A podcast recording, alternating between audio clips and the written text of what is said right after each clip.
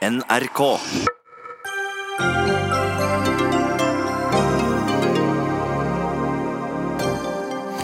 I går fortalte hun gråtkvalt om hvordan hennes egen sønn ble tatt kvelertak på fordi hun hadde stemt for bompenger. I kveld er hun med i Dagsnytt 18 og snakker om hetsen mot egen familie når vi diskuterer det norske debattklimaet.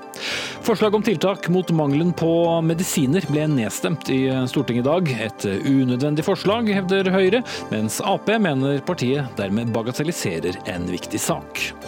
Unge isolerte nettovergripere får livene ødelagt av altfor lange straffer, mener psykolog. Det er litt av en ansvarsfraskrivelse, svarer kjønnsforsker. Og én av fem sjefer innrømmer å ha lest ansattes e-post. Hvor godt er egentlig personvernet når du er på jobb?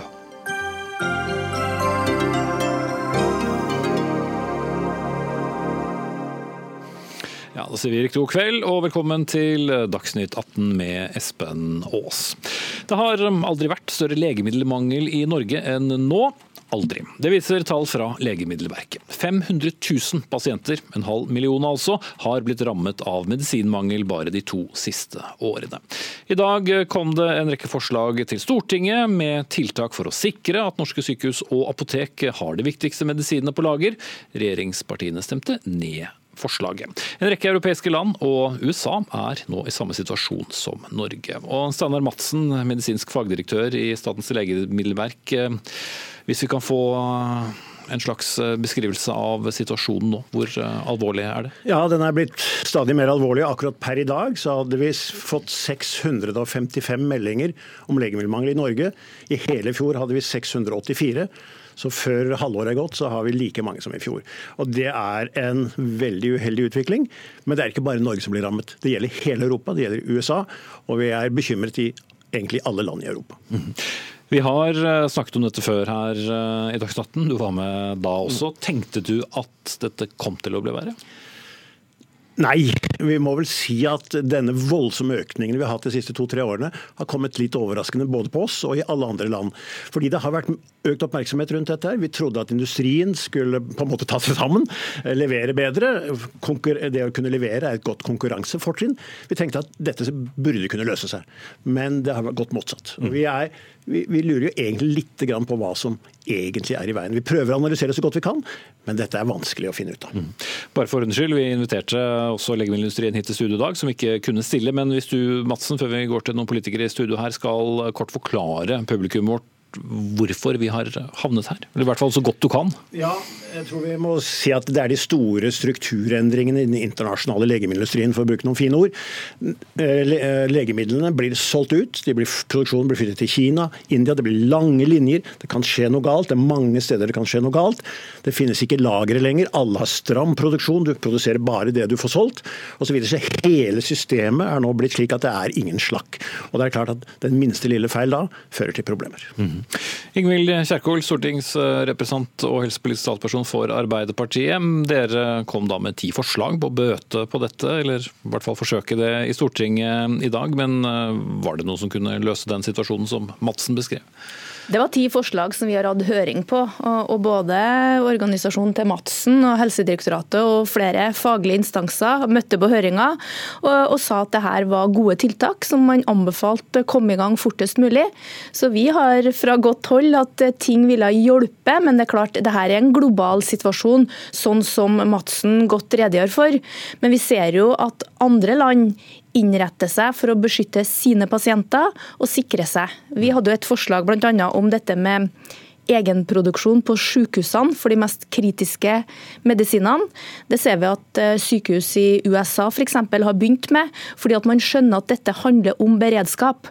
Eh, og det er sårbarhet. Det er risikoen for at dette her kan slå ut i alvorlige hendelser. Den er der. Den er til stede, den er godt dokumentert. Mm. Så vi hadde håpa at man ønska å gå litt mer fra å beskrive et problem til å også prøve å løse det. Mm. Den ballen går til deg da, Sveinung Stensland, stortingsrepresentant og helsepolitisk politisk talsperson for Høyre, og bakgrunn som farmasøyt også. Eh, det er for så vidt ikke så uvanlig at flertallsregjeringer stemmer ned opposisjonens eh, forslag, men eh, hadde det ikke hjulpet? Vel, Hadde det vært sånn at det var nå man skulle begynne med jobben, så hadde det vært en idé å vedta det. Men sannheten er jo at Allerede i fjor så ble det jo satt i gang en stor utredning som Helsedirektoratet står for, der mye av dette kommer på plass. og Det er jo grunnen til at høringsinstansene var så positive, for dette er jo ting som de allerede jobber med. og Den rapporten kommer i løpet av juni, meg fortalt. Og Der er det bl.a. dette med, med mer beredskapslagring, mer produksjon og en del av de tiltakene som Arbeiderpartiet her beskriver. Så Sånn sett så er det virkelig å slå inn åpne dører de forslagene som kommer. Og så syns jeg det at det, det blir litt enkelt når en har satt i gang et arbeid for over et år siden og, og kritisere regjeringen for at den er for sent ute. Men det har jo ikke hjulpet noe, da, åpenbart, hvis vi ser på tallene? Nei, Som Madsen er inne på, så er jo dette en global situasjon. Norge er ikke selvforsynt. Norge er store på å produsere noen få ting, sånn som metformin og kalktabletter og røntgenkontrastmidler. En kommer ikke så langt med det, og vi kommer aldri til å bli selvforsynt med produksjon, selv om sykehusene òg produserer mer. Vi er uansett avhengig av å kjøpe legemidler globalt, og det å utvikle og produsere legemidler det er ganske krevende, og spesielt når en skal begynne helt fra scratch. Mm. Kjærkol. Det er jo heller ingen som har foreslått at vi skal erstatte den eh, produksjonen som industrien eh, står for. Det er jo sånn man eh, får fram legemidler i Norge og i verden. Industrien utvikler dem, så får de godt betalt de første årene. Og så er det ikke like attraktivt å produsere legemidler etter at patenttida har gått ut. og Det er jo også noe av årsaken til at vi mangler helt kurante legemidler, fordi at man ikke ser eh, lønnsomhet i å produsere det. Men det at det kommer en, at det kommer en utredning nå, det er jo litt seint. Eh, hvis man er enig i at man burde ha beredskapslager, som Bent Høie har uttrykt at han er enig i, så burde man komme i gang med det nå. Ja, beredskapslager det ble faktisk økt for noen år siden. Det har jo allerede vært gjort én jobb. Det har vært mm. gjort jobb med dette tidligere. og For flere år siden så var dette en debatt. I 2016 så var jeg ute i Dagens Næringsliv og kritiserte industrien for at de var mer opptatt av å utvikle nye legemidler enn å lage de de faktisk allerede hadde fått godkjent.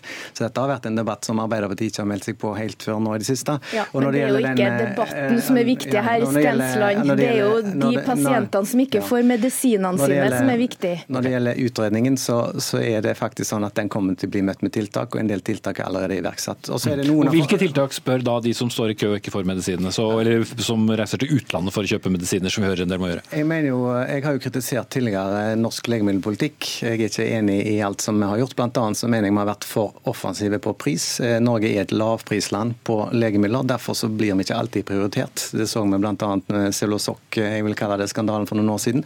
Vi betalte så lite at når det ble for lite i verdensmarkedet, så gikk det til andre deler av landet, andre deler av verden. En annen ting, eh, det er et direktiv som sier at du skal ha merking på, på norsk på norske pakninger. Det er et problem når det er lite produkter i markedet, fordi da er det små volumer som skal merkes om til Norge, og det blir nedprioritert når du har mangel i alle land. Det kunne vi gjort noe med, og det vet jeg at Legemiddelverket jobber med. Så syns jeg at eh, noe av det viktigste som vi har gjort de siste månedene, i revidert budsjett så økte vi bevilgningene ganske kraftig til dette arbeidet i Legemiddelverket, sånn at de skal ha fagfolk til å ta unna disse mangelsituasjonene. Og Det var et tiltak som kom nå i revidert, så vi sitter ikke i ro. Men kommer eh, dere da med Bare et øyeblikk. Ja.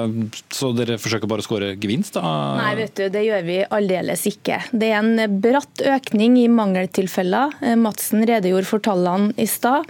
Vi har nå passert i 2019 tallene for hele 2018. Og det er klart at Stortinget har noen oppgaver her. Bl.a. det å gi hjemler, åpne for hjemler for å kunne rasjonere. Det er ett av forslagene. Det har vært situasjoner i helsetjenesten hvor man har måttet prioritert mellom voksne og barn. Det har vært situasjoner hvor eh, kirurgi har måttet blitt utsatt pga. at man har hatt mangelsituasjoner. Så det her er jo ikke, Vi er jo ikke med for å vinne debatten. Vi, jo, vi foreslår jo det her for at folk skal få medisinene sine i hverdagen. Og det, jeg synes det er interessant at Svennung Stensland nå i dette debattstudioet sitter og sier at han er kritisk til at vi har vært så offensive på pris. For jeg har sittet i det samme debattstudioet med Sveinung Stensland og diskutert hvorfor man vil ha hemmelighold om legemiddelpriser. Det er for at man skal sikre billigst mulig pris. Så der er det ikke troverdig. Ja, men det, må kunne... du skille, nå, må, nå må du skille mellom eh, når det gjelder de nye kostbare kreftlegemidlene, så er det en helt annen diskusjon. Jeg snakker om generiske legemidler. Ja, men dere har innført hemmelighold på alt innkjøp av legemidler. Men nå har vi to og et halvt minutt igjen, og dere har etablert godt at dere er eh, uenige. Men hvis vi skal bruke de siste to og et halvt minuttene på å si noe til de som er i kø, altså ut fra din forståelse nå, Stensland, hva er beskjeden til eh, de som er bekymret for om de får medisiner. Jeg har jo sagt tidligere at det er grunn til bekymring, og dette er en kritisk situasjon. Eh, og Den løses ikke i Norge, den løses ved å få dette globale til å fungere bedre, og at leverandørene tar ansvar for å få de produktene de har sagt de skal levere i markedet. Men eh, vi må òg sørge for at eh, vi har gode alternativer på plass. og det er viktig at Selv om det er ganske mange mangelsituasjoner, så er det mange helter i det systemet her. Vi har Mangelsenteret på Ullevål som gjør en kjempejobb fra dag til dag. Vi har noen grossister som jobber for å få inn alternativer. Vi har apotek og leger som finner alternativer. Mm. De aller fleste pasientene får faktisk legemidler. og Det vi må gjøre, er å sørge for at forvaltningen henger med. og Da er det ganske mye ansvar som ligger på legemidler. Da vil jeg høre Kjerkol før jeg vil ta en Madsen til slutt. Bent Høie sa fra Stortingets talerstol at dette er en situasjon norske pasienter må leve med. Vi ønsker oss en regjering som gjør det de kan for at norske pasienter får de legemidlene de er avhengig av, som ikke er dyre, men som rett og slett mangler i hyllene på apotekene. Mm. Og da, Steinar Madsen, så er jo store spørsmålet om vi nå også på andre siden av sommeren må fortsette å konstatere at vi har denne situasjonen. Ja, eh, Legemiddelmangel er nok kommet for å bli. Om det blir ett år, eller to år eller fem år, det kan ingen si, fordi det er mange overraskelser her. Men det vi kan si, og det tror jeg er viktig å si, at Norge var ganske tidlig ute med å ha en god forvaltning på dette området. Vi har faktisk et godt samarbeid med alle aktørene på dette området i Norge. Og vi greier å løse de fleste problemene for pasientene våre. Det skal vi være glad for. Det er mange andre land som strever enda mye mer enn Norge gjør i dag. Mm. Og helt kort til slutt, hva skal en pasient gjøre i samarbeid da med sin nærmeste lege? hvis de frykter for uh, Hvis pasienten går til apoteket og ikke får sin medisin, så vil enten farmasøyten hjelpe ham til å finne en annen medisin som passer, eller ta kontakt med legen for at man skal kunne finne et annet alternativ. Og På den måten løser vi 95% av problemene i Norge. Litt godt nytt på slutten. Takk skal dere ha alle tre. Steinar Madsen, medisinsk fagdirektør ved Statens legemiddelverk. Ingvild Kjerkol, stortingsrepresentant og helsepolitisk talsperson for Arbeiderpartiet. Og Sveinung Stensland, stortingsrepresentant for Høyre og helsepolitisk talsperson der. Dagsnytt 18 alle hverdager kl 18.00 på NRK P2 og NRK2.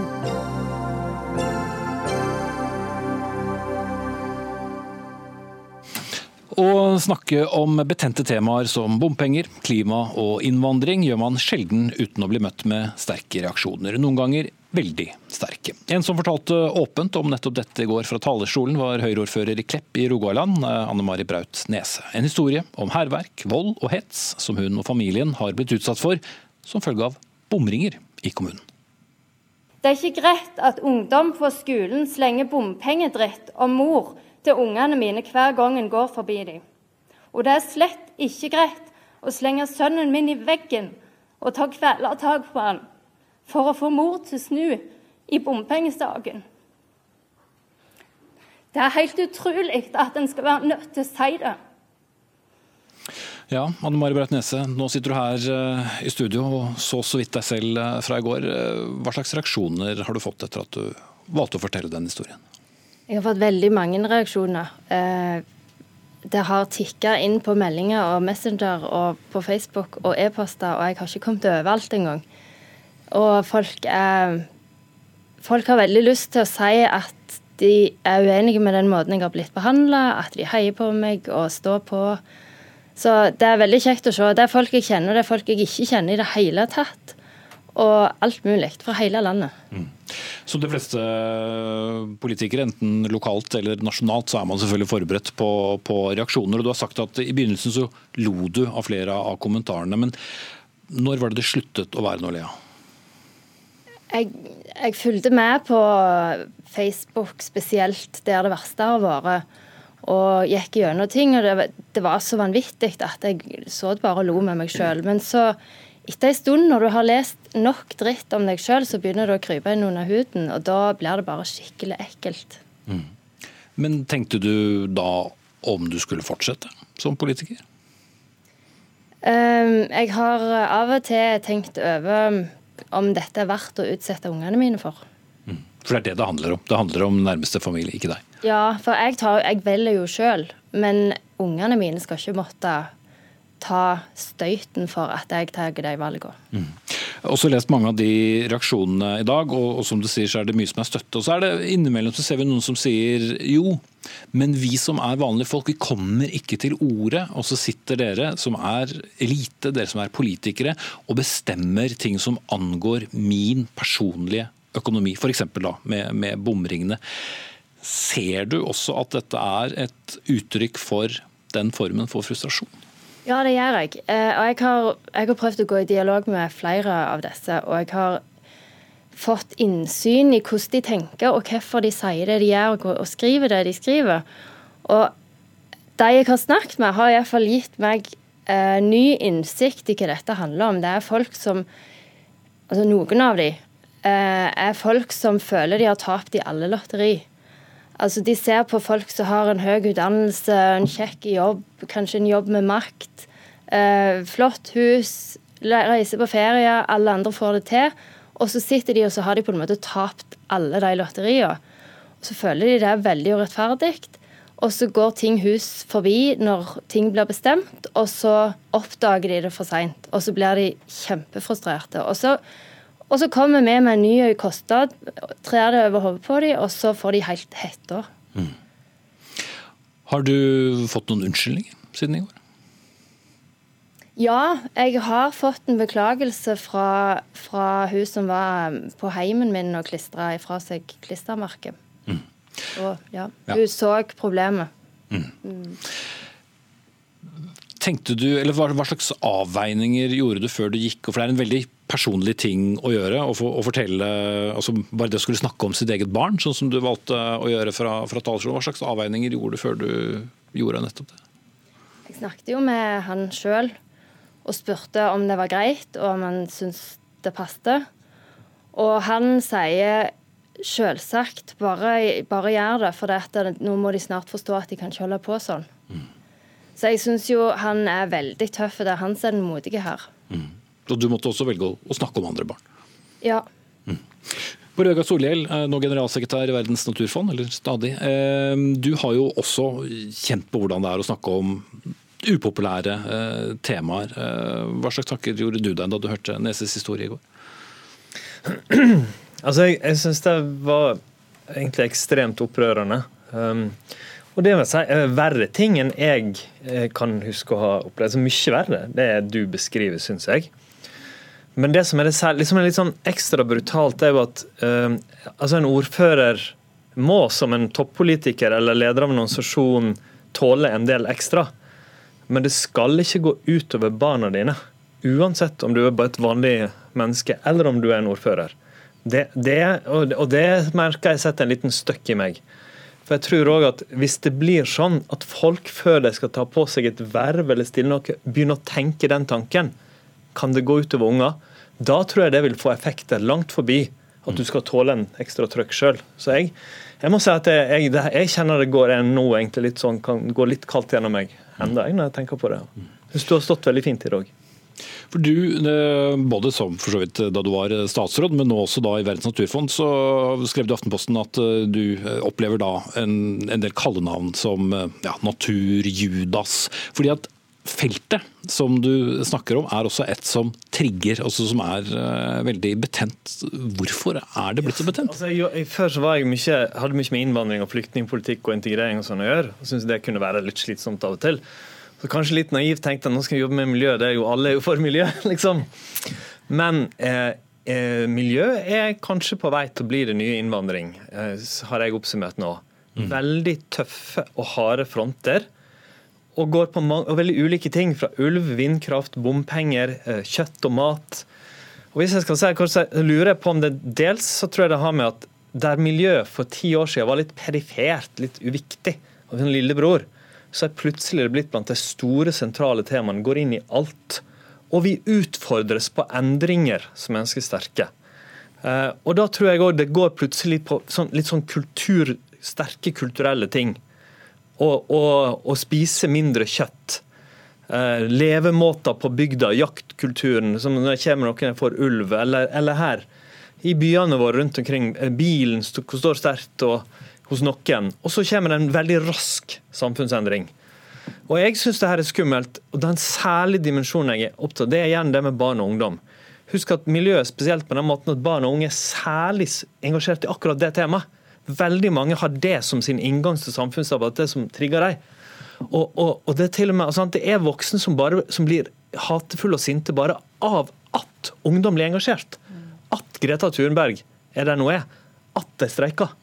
Og Det, det syns jeg er ekstra brutalt. Hvis det er møte med engasjement, så tror jeg det vil få mange til å trekke seg tilbake igjen. Skal komme tilbake til dere. Trine Eilertsen, politisk redaktør i Aftenposten.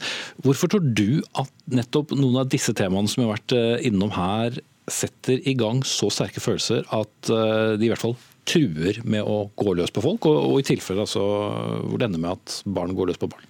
Ja, altså, nå tror Vi snakker om litt forskjellige grupper av motstand innen særlig den bompengeaksjonen. Da vet vi kan dele det opp i mange forskjellige typer motstand. Men det som jeg, jeg kjenner litt igjen, og det ser jeg jo på å si, i min egen innboks på jobb, at mange av de som jeg har hørt fra i mange år som, har vært, eh, som er innvandringsskeptikere, de er også klimaskeptikere. Eh, og De bruker en del av den samme retorikken. og Bak det så, så ligger det jo en sånn idé om at eh, eliten i samfunnet da, har disse prosjektene sine så de vil tre nedover hodene på folk. Det være seg eh, i form av at vi slipper inn eh, folk fra andre kulturer, andre religioner, som endrer Norge. Eller det er noe klima som de opplever at her blir det tatt beslutninger som angår deres hverdag, og som de ikke har fått lov å være med å påvirke.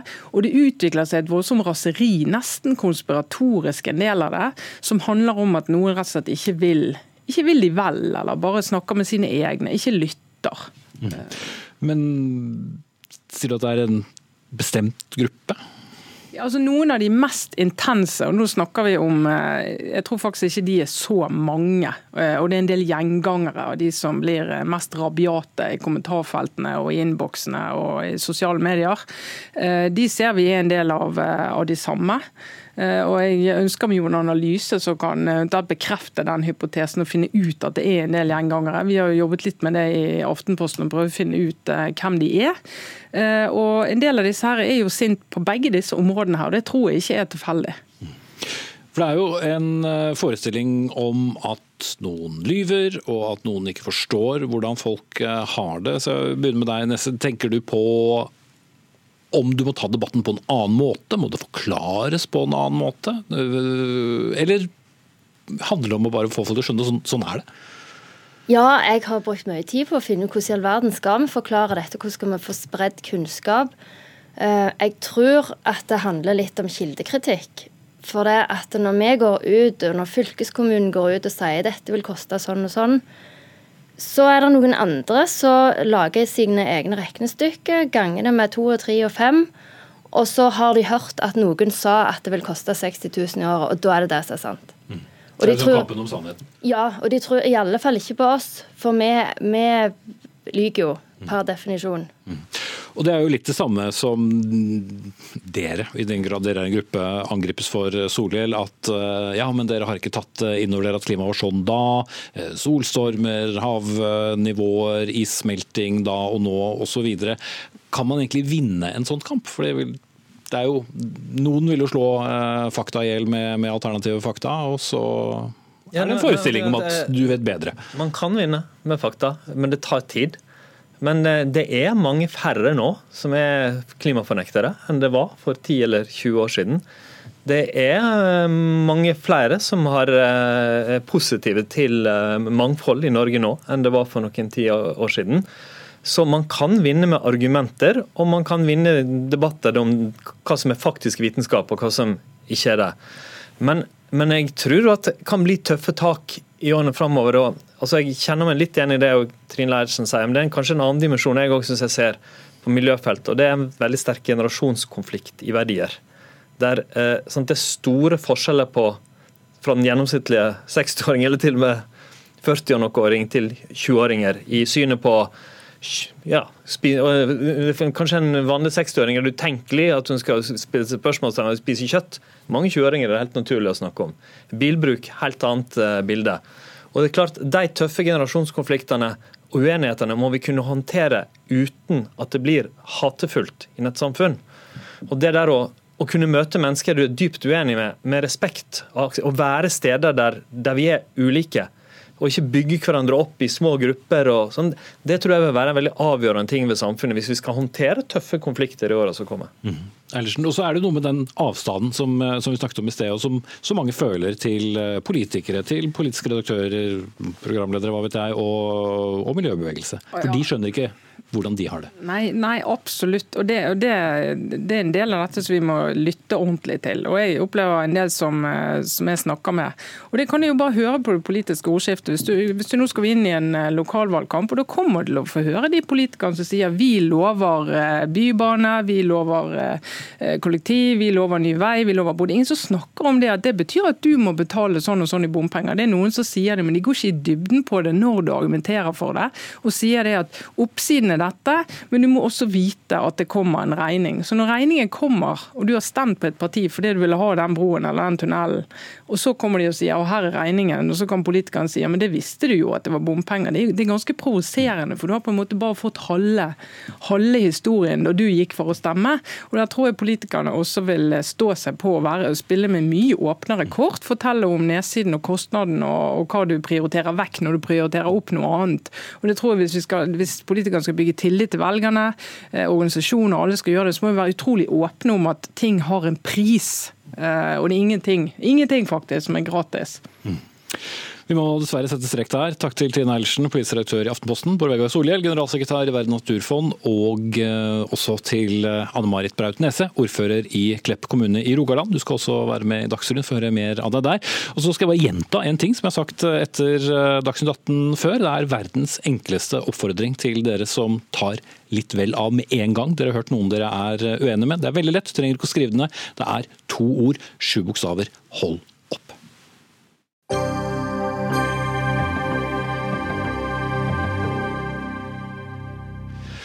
Hver femte sjef her i landet snoker i ansattes eh, e-post. Trygghet på jobben og ikke minst privatliv på jobben skal vi snakke om senere i sendingen. Men vi skal eh, nå snakke om straff og overgrep. For nettovergrep, altså seksuelle overgrep over internett, eh, har økt i et veldig omfang de siste årene. I visse, visse tilfeller kan folk som begår disse overgrepene vente seg mer enn ti år bak murene. Mange unge, ikke minst eh, ensomme og sosialt isolerte gutter, har ikke den fjerneste anelse om hvor strengt slike nettovergrep straffes i Norge. Det skriver du i Aftenposten i helgen, Pål Grøndal, psykolog-spesialist, og du skrev dette sammen med forsker Ragnar Kristoffersen. Vet de ikke hva de gjør? De vet nok at det de gjør er feil og galt, og at det er en meget lummer virksomhet. Men vi stiller vel spørsmål ved om de faktisk er klar over at norsk lov er så streng som den faktisk er. Også da for det vi kaller kontaktløse nettovergrep. Altså at det er ingen fysisk kontakt mellom den som forgriper seg og den som blir utsatt for disse overgrepene, altså via en skjerm. Og så tenker de nok at fordi det er avstand, så uh, er det ikke så farlig. Og så luller man seg av og til inn i en uh, verden som jeg kaller en kognitiv forvrengning, altså en tankemessig for forvrengning om at det er vel ikke så farlig dette her. Og så de altså, så blir de eh, tatt. Så blir de hengt ut til tørk i domstolene. Og først da skjønner de kanskje hvor alvorlig dette anses av lovgiver og av jussen til en overraskelse som så blir det veldig kraftig for dem. Mm. Og du mener da disse straffeskjerpelsene som har kommet på, på området, bærer eh, preg av en økt moralsk forargelse? Hvordan da? Ja, Det er en tese vi har. Og det er jo fordi at vi må jo, når vi skriver en kronikk, så må vi bruke noen uttrykk som du får litt oppmerksomhet på. Men det er ikke så veldig uvanlig når vi snakker om seksuallovbrudd, at det blander seg inn mange følelser, og skulle bare mangle. Selvfølgelig, dette er eh, overgrep som skjer på mindreårige mennesker, og sånn skal vi ikke ha det. Det liker vi ikke. Men så er det spørsmål Det vi da setter hovedspørsmål ved, er jo er det hensiktsmessighet i så lange straffer at de faktisk overgår det å ta et menneskeliv. Er det hensiktsmessig? Hva er poenget med så lange straffer? Spesielt for mennesker som ikke har et straffesaksregister fra før. Fordi Poenget må jo være at vi skal stoppe dette. Det skal være allmennpreventivt. Og Da stiller vi spørsmål er det så veldig mye viktigere at de skal sitte 10, 12, 16, 14 år enn 8 år. Det er ikke det som stopper potensielle overgripere. Misch, du har doktorgrad i samfunnsgeografi med fokus på den rettslige behandling av voldtekt. Og Du mener at eh, Grøndal og hans medforfatter bygger opp en historie her om at nettovergrep ikke er så farlig. Hvordan eh, gjør de det? Det tar jeg jo helt konkret altså fra formuleringer i den kronikken. La meg bare først si at, at, at det, er, det er alltid god debattstil å etablere hva det er vi er enige om. og Det jeg i hvert fall har eh, sansen for med, med, med, deres kronikk, og det jeg vet at du står for, det er at vi skal ha en human strafferettspleie. Det er noe vi i Norge er stolte av, og det, og det er vi med god grunn. Jeg er helt enig i at domstolene må eh, ta hensyn til de individuelle forholdene i, i, hver sak. Men der jeg liksom syns at ting blir rotet lite grann til, det er det, er i forhold til, til flere ting. da. Altså, du trekker jo frem dette med hvor virksom eller hva hensiktsmessig en, en, straff er fordi at vedkommende ikke tidligere er straffet. Men her må vi på en måte skille da mellom de overgrepene som vedkommende er tatt for, og hva vedkommende faktisk kan ha begått. Og er det noe vi vet? Vi har dessverre veldig liten forskning i Norge på eh, overgrepsforbrytere eh, i det hele tatt. Men det vi har fra USA, vet vi jo at det er mange serieforbrytere. Eh, og veldig mange går helt under radaren og blir aldri tatt. Så selv om at du sitter med en, en domfelt i en rettssak som i hvert fall tilsynelatende tidligere er ustraffet, så er det ikke gitt at denne personen ikke over tid har bygget seg opp et mønster, et modus, en, en seksualpraksis eh, som tilsier at, at, at vedkommende trenger eh, en, en, en, eh, en reaksjon da, på, på, det vedkommende har gjort. Mm. Så er det jo, som vi for så vidt var inne på, et litt nytt, uh, nytt, felt. Men vi var jo så vidt inne på det i sted, Grøndal, med og det å sitte bak en skjerm. Men ut fra en del beskriver ser man har rett, så kan man jo da tvinge noen til å begå ganske alvorlige overgrep mot seg selv foran et kamera, fordi det er en trussel om at nakenbilder eller enda verre bilder skal bli spredt til foreldre, venner og, og alle på nett. Så overgrepene sådan kan jo være aller høyeste grad alvorlig. Absolutt. Og det er, vi, det er ikke vi uenige om i det hele tatt. Eh, altså, poenget må jo være at vi må ta dette skikkelig. Vi må ta det alvorlig. Slike overgrep skal straffes. Vi er ikke, verken Ragnar Kristoffersen eller jeg, tilhengere av at slipp fangene løs er vår. Vi er for en human kriminalitetspolitikk, men vi, vi, må også sende det riktige signalet om at dette er alvorlig. Dette skal vi ta på alvor. Hvordan gjør vi det? Det gjør vi med å faktisk øh, satse på at politiet får de ressurser de har til å avsløre slike overgrep. Vi må sette domstolene i gang. De har sultefòra domstolene ganske lenge nå, denne regjeringen. de må være i god stand til å kunne ta disse sakene. Og så må vi også da sørge for at disse menneskene ikke bare blir domfelt, men at de også skal tilbake til dette samfunnet. Og Jeg er litt uenig med deg i et premiss, og det er at vi vet ikke om disse menneskene har hatt lommere hensikter fra før. Det vet vi ikke. Så når vi dømmer en person for første gang, så må vi legge jussens vurderinger til grunn. Altså vedkommende er ikke tidligere domfelt. Og Hvis vi da tar statistikk på hvem er som dømmes flere ganger, det er der alvoret ligger. Selvfølgelig, skikkelig alvorlige nettovergrep første gang skal dømmes, men ikke så alvorlig som mer enn et drap. Bish. Mener så klart ikke at domstolene skal gå inn og ilegge en strengere straff alt etter hva man kan mistenke at vedkommende har gjort før. Men jeg er uenig i at uh, i at man kan ta utgangspunkt i at fordi vedkommende er tidligere ustraffet, at det å bli idømt en streng straff, at det ikke, ikke har noen, noen hensikt. Altså, men jeg, jeg, er jo helt uh, Det jeg tror jeg reagerer mest på da, med den kronikken, det er vel til dels den problemforståelsen eller problembeskrivelsen som, som blir lagt ut, hvor det skapes et skille mellom såkalt kontaktvoldtekt og nettovergrep, og hvor det etter mitt syn eh, synes jeg altså at, at dere maler med litt sånn bred pensel. da, At, at jeg tror eh, at nettovergrep, eller det er ikke noe jeg tror, det er noe jeg vet, at, at det er langt mer alvorlig enn en befolkningen generelt har er en, en bevissthet rundt. men tar de for mye overgripers perspektiv, er det det du sier? Fremfor offeret? Det er jo en glidebane. Eh, Jeg skulle jo ønske altså Jeg mistenker ikke deg for uh, fullt ut å ta overgriperens perspektiv, men jeg skulle vel kanskje ønske at, uh, at kronikken hadde uttrykt et tilsvarende liksom, empatisk blikk på det som er ofrenes reelle opplevelser. Og de reelle opplevelsene er at noen av disse er svært unge, helt ned i tolvårsalderen, som har levd med disse eh, truslene om publisering av bilder i, i mange år. Og det, Det er en ikke, det er ikke plass til en kronikk, men vi har vært i hvert fall veldig tydelige på at dette er manipulative, krenkende, truende handlinger som vi ikke vil ha noe av. Alt vi stiller spørsmål ved, er er det hensiktsmessig med så lange straffer at det overgår drapsdommer. Er ikke, der, der står vi fast på det, altså. Nå må jeg sette strek. Takk skal du ha, Pål Grøndal, psykologspesialist, og Anne Wisch, forfatter og doktorgrad i samfunnsgeografi.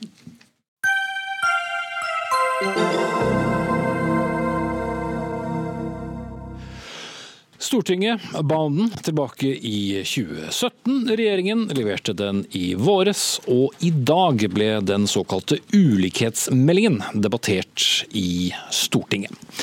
For selv om forskjellene altså fortsatt er relativt små i Norge, ja så har de økt til bekymring fra flere hold. Arbeiderpartiet lanserte via avisen VG 83 tiltak og satsinger for å redusere ulikheten, men eh, dere mener å kunne slå fast at de tiltakene får fint lite å si, Mudassar Kapur, medlem av finanskomiteen eh, i Høyre. Hvordan begrunner du det?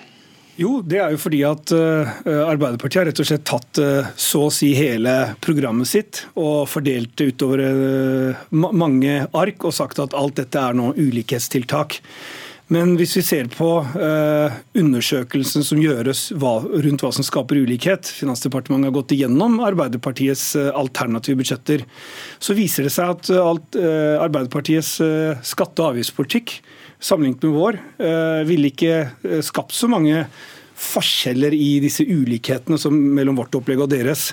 Så det er like dårlig eller like gode som dere? Nei, men også, poenget er at hvis, hvis man skulle hatt det som bakgrunn som, uh, som Arbeiderpartiet, den debatten Arbeiderpartiet tar opp om at skatter og avgifter er det som skaper ulikheter Vel, under Arbeiderpartiet så gikk jo ulikhetene opp. Barnefattigdommen gikk også opp. Da hadde vi høyere inntektsskatt, høyere formuesskatt, høyere selskapsskatt, og vi hadde arveavgift. Mange av de tingene er nå redusert eller borte. Og vi ser også at mange av de grepene vi nå gjør på særlig tre områder, bedre satsing på utdanning, slik at barn ikke faller ut av skoleløpet og dermed fremtidige eh, Nav-klienter. Nummer to, vi får, har fått et bedre integreringsløp, slik at de som har kort botid i Norge, kommer raskere inn i arbeidet og blir, blir skattebetalere. Og nummer tre, et arbeidsliv hvor vi skaper flere arbeidsplasser. Mm. Ok. Fredrik Holnen Bjørdal, medlem av finanskomiteen for Arbeiderpartiet. Da. 83 punkter som ikke fungerer. Hva er vitsen med det? Etter eh, seks år med usosial politikk, kutt til svake grupper og store gavepakker til rikfolk, og motvillig da legge fram en stortingsmelding om forskjeller som både gir feil diagnose og feil medisin, så syns jeg programleder at det er ganske modig å komme her i studio og kritisere oss for å ha helt andre ambisjoner for hvordan politikken kan bidra til mindre forskjeller. Jeg skulle gjerne likt å sett 83 tiltak fra regjeringa om hvordan redusere forskjeller. Det har vi ikke fått, det har vi ikke sett. Derfor ser vi lager våre egne. Vi foreslår skolemat til alle barn i grunnskolen, gratis SFO for førsteklassinger, mer penger til Husbanken sånn at det blir lettere å kjøpe seg bolig osv. Jeg tror ikke at selv med disse, selv med disse tiltakene så vil vi redusere forskjellene over natta, men de kommer til å gjøre en forskjell. Og det mest negative med dem er at de dessverre ikke blir vedtatt, fordi de blir stengt ned av høyrepartiene.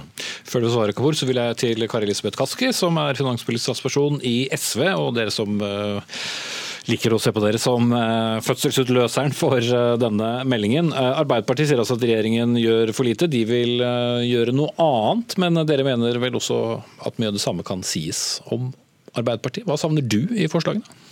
Altså, eh, vi har jo en regjering nå som, som, fører en politikk som øker forskjellene i Norge. og Desto større oppgave blir det for et nytt flertall etter valget i 2021. For da trengs det en ganske kraftfull omfordelingspolitikk. Forskjellene har blitt for store i Norge. Og da er det veldig mye god politikk som Arbeiderpartiet presenterer. Eh, rett til hele og faste stillinger, kjempeviktig. Gratis eh, SFO, som SV har vært pådriver for å gjennomføre i Oslo, er noen av eksemplene på det. Og det vil jeg jo utfordre Arbeiderpartiet på å, å, forplikte seg til å faktisk skulle gjennomføre etter 2021. Men så er det viktig å være klar over at grunnen til at forskjellene øker mye i Norge nå, det er at de på toppen drar ifra. Eh, og vi ser at eh, konsentrasjonen av formue blant noen få bare øker og øker, og det er en selvforsterkende eh, effekt. Og de får også mer makt til å påvirke politikken. Og Derfor så trengs det også ganske kraftfulle skattegrep som handler om økt formuesskatt skatt, men også å, øke, å gjøre den mer progressiv, sånn at du får virkelig skrudd til på toppen. Og så vil jo vi gjeninnføre arveavgifta, som vi ser at det er ganske tungt forskningsbelegg for å, å si at faktisk vil kunne bidra til å redusere ulikheter. Mm. Kapur. Ja, programleder. Øh vi bor i et land med små forskjeller og høy tillit mellom folk. Jeg tror ikke det er en god idé å importere en sånn amerikansk debatt hvor man lager større forskjeller mellom folk enn det det er. Men er du enig i virkelighetsbeskrivelsen om at de på toppen eh, drar ifra? Altså, de, de, på toppen betaler eh, De 10 rikeste betalte 38,8% av all personskatt i Norge i 2017. Det er mer skatt enn de 70% som tjener minst. Så Det å ha en sånn skattesammenligning der, det blir egentlig en, en annen debatt. Det jeg er opptatt av å høre fra, fra både Arbeiderpartiet og SV, som ingen av de nevnte i sine innlegg nå. Hvordan skaper vi flere arbeidsplasser? Hvordan får vi flere med innvandrerbakgrunn i jobb? Hvordan får vi flere barn gjennom et skoleløp, sånn at de er klare til å møte morgendagens utfordringer?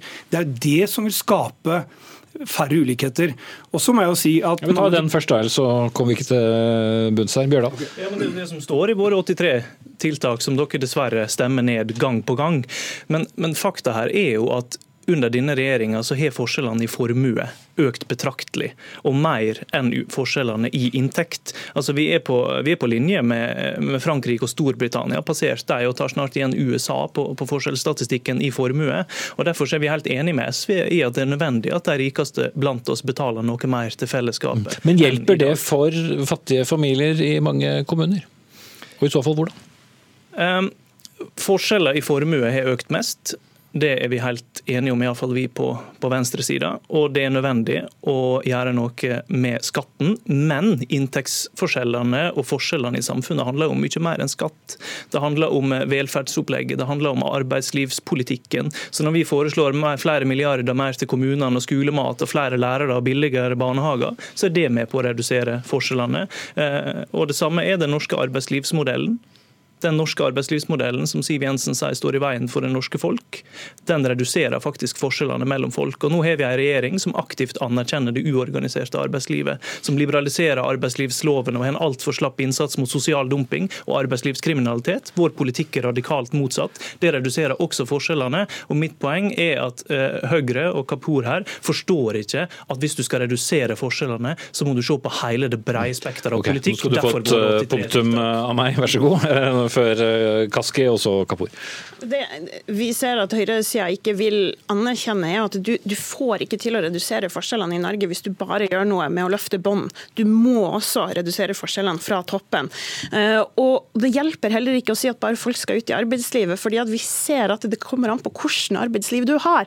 Hvis du ikke har et organisert og trygt arbeidsliv, så får vi den utviklinga som vi har sett i så mange andre land, der du har folk i jobb, men de er fattige arbeidere, og du eh, får økende forskjell fordi at eh, arbeidslivet har blitt mindre organisert. Dette er en klar effekt som du ser fra andre land. og Derfor så, så vi er opptatt av både det at du må styrke rett retten til hele og faste stillinger og, og, og, få det trygge arbeidslivet på plass. Men du må også ha tiltak på de på toppen. Og da må de være villige til å skru opp formuesskatten. Husk på at denne regjeringa har altså gitt de aller, aller største skattekuttene til de aller rikeste i landet. 0,1% rikeste i Norge har fått 1,4 milliarder i skattekutt. Mm, ja, nå var det jo mye fra begge sider her, men eh, det er jo helt utrolig, Kaski, at du, du sier samtidig at eh, de, vi må gjøre noe med de på topp. men ikke bare de på bunn. Men det er jo det som er hele feilen med din politikk. Altså Det viktigste arbeidet vi gjør, er jo nettopp med de på bunn. Det er de som må gjennom et godt skoleløp. Det er de som trenger at deres foreldre kommer i arbeid og blir der. Og det er også de som trenger at deres foreldre lærer seg norsk, og at deres barn også lærer seg norsk før de begynner på skole. Dette er jo de reelle utfordringene. Eh, Arbeiderpartiets forslag om å styrke bredbåndlinjene altså ja, jeg skjønner at det er demokratisk og bra å være på nett, men at det skal være et punkt på ulikhetslista deres, det, det bare forteller litt om hvor lang den er, og hvordan det blir når du smører tynt utover. Og så vil jeg utfordre Arbeiderpartiet på en ting. I dag eh, så har jo dere blitt eh, stilt et spørsmål. Hvis skatter og avgifter er det som skal til for å redusere forskjellene i Norge, hvorfor sier dere nei til å gjeninnføre arveavgiften slik SV vil? Og der er dere uenige? Ja, Vi er jo enig i, eh, i, det aller meste når det gjelder innretning, og at de rike er nødt til å betale mer enn i dag. Fordi eh, Kapur og Høyre forstår ikke det at det å redusere ulikhetsdebatten, uh, ulikhetsdebatten til et spørsmål om innvandring og fattigdom, det er skivebom. Det blir i beste fall bare halve bildet. Altså, Vi mener at formuesskatt er en smartere skatt for å skatte formue. Vi tror det er bedre å skatte formue årlig enn å skatte eh, det én gang når noen, noen dør. Eh, og det som er Problemet med arveavgiften er at den traff skeivt. Det var vanlige folk som måtte betale den fordi de ikke hadde råd til å hyre advokat for å planlegge seg bort fra den. Så den ramma urettferdig. Men jeg tror ikke at skillelinjen i disse spørsmålene er mellom oss to, eh, Kari Elisabeth Kaski. Den er mellom eh, oss på venstresida og Høyre, som ikke vil ta tak i det som er det mest effektive virkemidlet, nemlig skatt på formue. Kaski. Poenget er tilbake til der vi startet. Vi har sjekket tallene til Arbeiderpartiet. Deres alternativer på statsbudsjettet for skatte- og avgiftspolitikk, det vil ikke skape færre ulikheter. Det er marginale forskjeller. Vi må over fra skattedebatten til den sosialpolitiske debatten. Hvordan får vi flere mennesker inn i arbeid? Det svarer du ikke på. Hvordan skal vi få til en bedre integreringspolitikk? Det kaller du bare for at det er et innvandringsspor. Vel, veldig mange av de som er med på å skape ulikhetsstatistikken i dag, det er folk med kort botid, gjerne bare én inntekt. og Det er også det som er bakgrunnen for mye av barnefattigdomsdebatten. Og Der har jo vi fått til økt barnetrygd, noe SV aldri fikk til sammen med eh, Arbeiderpartiet. Enda et punkt hvor vi leverer mer. Kan du svare kort på det, og så må Kaski få komme til. Ja, jeg er litt i tvil programleder, om, Kapur har lest våre 83 forslag. Eh, for Der står alt det som han etterlyser, bare at det er bedre politikk enn det regjeringa klarer å legge fram. Kort og godt eh, svar der også, Kaski. SV har fremmet forslag i mange år om å øke barnetrygda. Høyre har stemt mot hver gang, men ble tvunget til det av KrF nå. Men husk på, ulikhetsdebatten er så mye mer enn en debatt om fattigdom. Derfor så må vi faktisk også ta en debatt om de på toppen. Arveavgifta er det mest effektive virkemidlet hvis du har lyst til å gjøre noe med den konsentrasjonen konsentrasjon av formue og makt, som vi ser øker nå blant noen, noen få på toppen i Norge. Og det er godt mulig å forme den arveavgifta bedre enn det den var i forrige periode. SV har og forslag om det, ble dessverre nedstemt også av Arbeiderpartiet. Og det synes jeg er synd, fordi vi trenger etter 2021 å føre en skattepolitikk i Norge som, som faktisk er omfordelende og får til de store skiftene i samfunnet. Mm, Venstresidens oppskrift med høyere skatter, høyere avgifter, vil skape færre arbeidsplasser i dette landet, som igjen vil skape mer ulikhet. De, vik, de viktigste forskjellene mellom folk i dag er de som er innenfor arbeidslivet og de som er utenfor. Den debatten vil dere ikke ta. Dere tror bare at kan, vi kan skatte oss ut av ting. Vi må ha sosialpolitiske virkemidler. Utdanning, integrering og skape flere arbeidsplasser.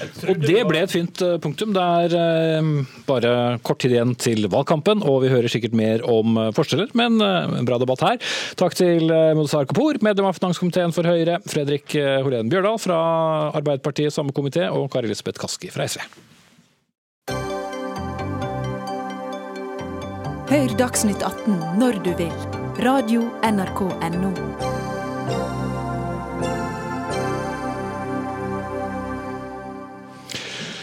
Trodde du at eh, den e-posten du sendte før du gikk fra jobb i dag til eh, din kollega forble mellom dere, eller hvilke nettsider du hadde vært eh, innom over en kopp kaffe? Tro om igjen.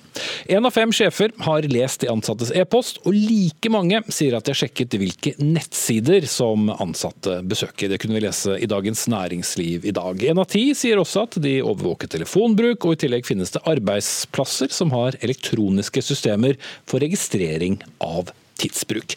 Alt dette kommer frem i en undersøkelse utført av Deloitte blant 140 arbeidsgivere. Og Bjørn Ofstad, du er advokat der og er altså en av de som står bak denne rapporten. Snakker vi da om en ulovlig overvåking, eller er det tilfeller som er innenfor loven, rett og slett? Eh, det er nok begge deler. Eh, mange av disse tiltakene som iverksettes eh, er helt greie og innafor. Og mange virksomheter må iverksette mange tiltak i den digitale verden vi befinner oss i nå. Du finner ikke lenger gull i kjelleren til bankene, men de har store informasjonssystemer med masse sensitiv informasjon og må ha veldig god kontroll på flyten av disse dataene. Men eh, den digitale utviklingen gjør det også veldig enkelt å implementere kontrolltiltak eh, utover det formålet det ble hentet inn for. Og det er ikke greit. Og Det vi registrerer i undersøkelsen vår, er at eh, det, er, det slurves med å følge regelverket. Så enkle grep som å gi informasjon på hva som skjer, det uteblir. Og det, det, det er ikke greit. Mm. Bjørn Erik Thon, direktør i Datatilsynet, har vært inne på sidene deres og lest litt eh, om dette i dag. Og eh, Er grensen for hva som er lov og ikke lov for en sjef å gjøre eh, når det gjelder ansattes nettsøk og e-poster, enkel? Å kjenne folk den? Det er nok ikke sikkert at folk kjenner den, men i utgangspunktet så er den grensen enkel. For det å gå inn og se på e-posten til de ansatte, det er ikke lov. Eh, så det er en veldig enkel grense. Og så er det selvfølgelig, som eh, alltid når vi snakker om regler, eh, noen unntak fra det. Og det som vel er de to viktige unntakene her, det er at man kan be om innsyn for å ivareta driften av virksomheten. Det betyr hvis det f.eks. skulle ligge en e-post i en e-postkasse hos en arbeidstaker som er syk, som er på ferie, at man må ha tak i den, så kan man gjøre det. Eller det er virksomhetskritisk informasjon som ligger der. Eh, eller at det er mistanke om grove brudd fra arbeidstakerens side. Det kan være korrupsjon, det kan være nedlasting av ulovlig materiale eller den type ting.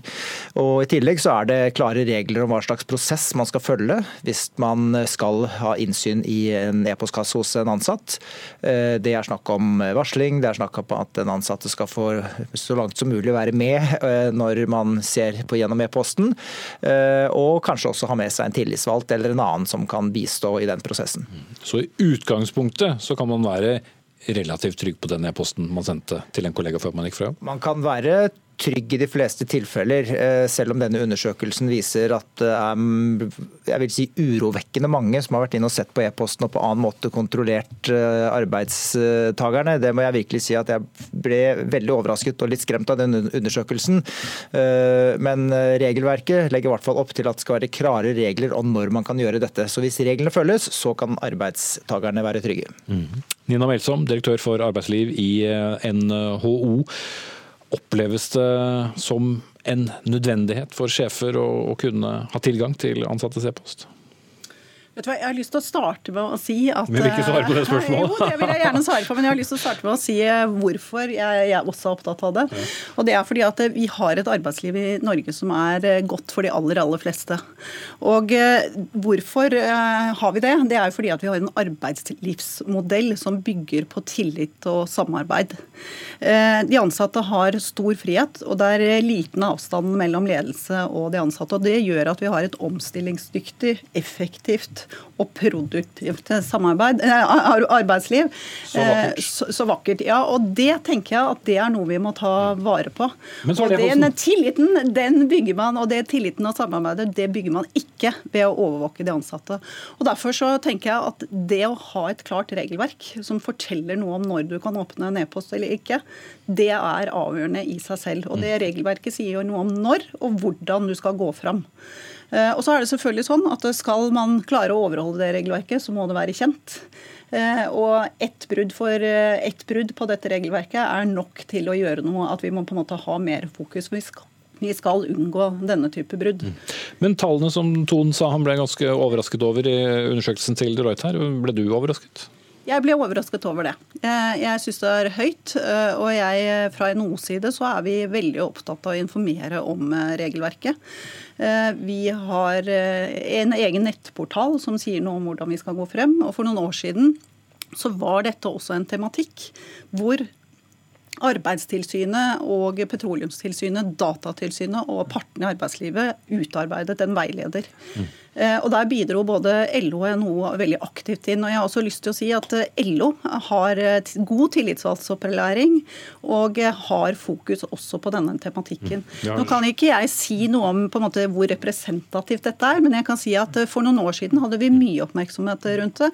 I dag er det roligere, i hvert fall i NHO okay. på den fronten. Uh, Ofstad vil uh, tilbake igjen seg. Ok, én ting er at vi har et regelverk, men vet du som ansatt en gang om noen har vært innom uh, e-posten din da, når det er en andel som det du Nei, altså det er ikke godt å si. Eh, og eh, jeg er Jeg syns jo det er uheldig at vi har de tallene vi har, men eh, jeg er ikke sikker på om jeg er så veldig overrasket heller. For jeg tror en del av disse kontrollene, sjekkene, skjer uten at kanskje arbeidsgiver tenker så mye over det selv. Det er såpass enkelt å gå inn og gjøre disse kontrollene.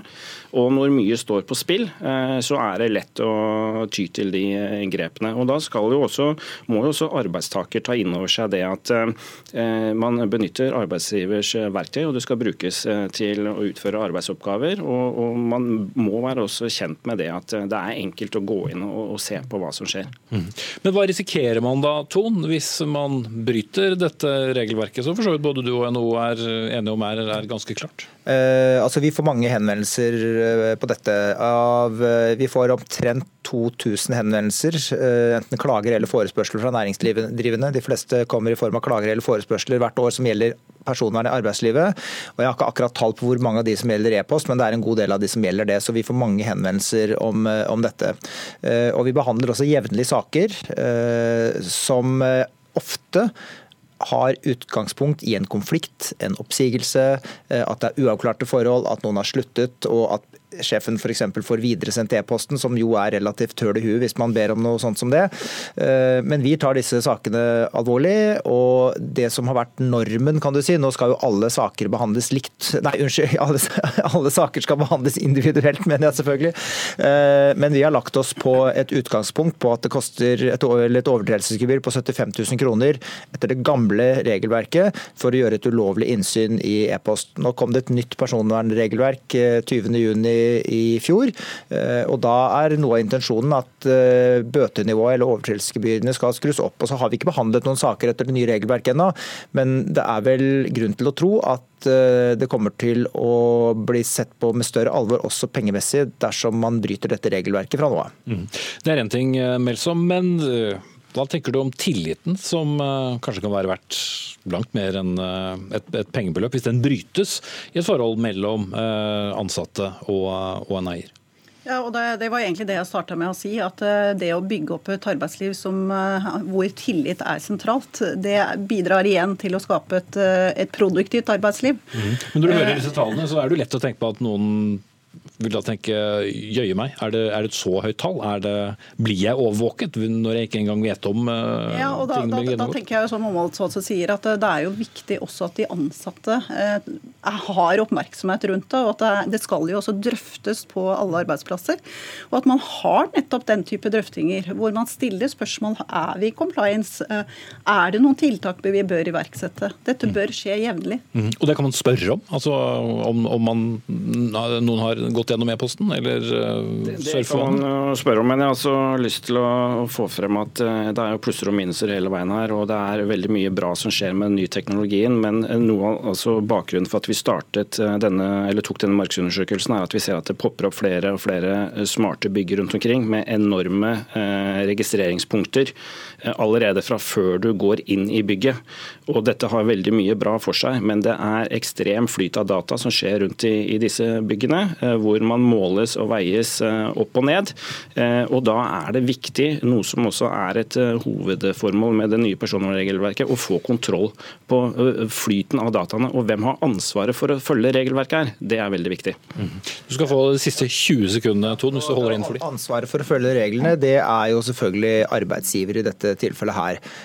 Og så tror jeg nok det er noen ganske store kunnskapshull hos mange arbeidstagere. Så vår klare oppfordring er Unnskyld, arbeidsgivere, mener jeg selvfølgelig. Så vår klare oppfordring det er at man snakker med de ansatte om dette, at man lager gode retningslinjer på når e-postkassene skal slettes, og at de ansatte er godt kjent med hva som gjelder på min arbeidsplass. Denne timen av vår arbeidsdag ble i hvert fall kameraovervåket og sendt ut. Takk skal dere ha alle tre. Nina Melsom, Bjørn Erik Thon og Bjørn Ofstad. Ansvarlig for denne sendingen var Jarand Ree Mikkelsen. Hans Ole Hummelvold tok seg av det tekniske. Jeg heter Espen Aas. I morgen er det Sigrid Solund som setter seg i den talerstolen. Takk for nå.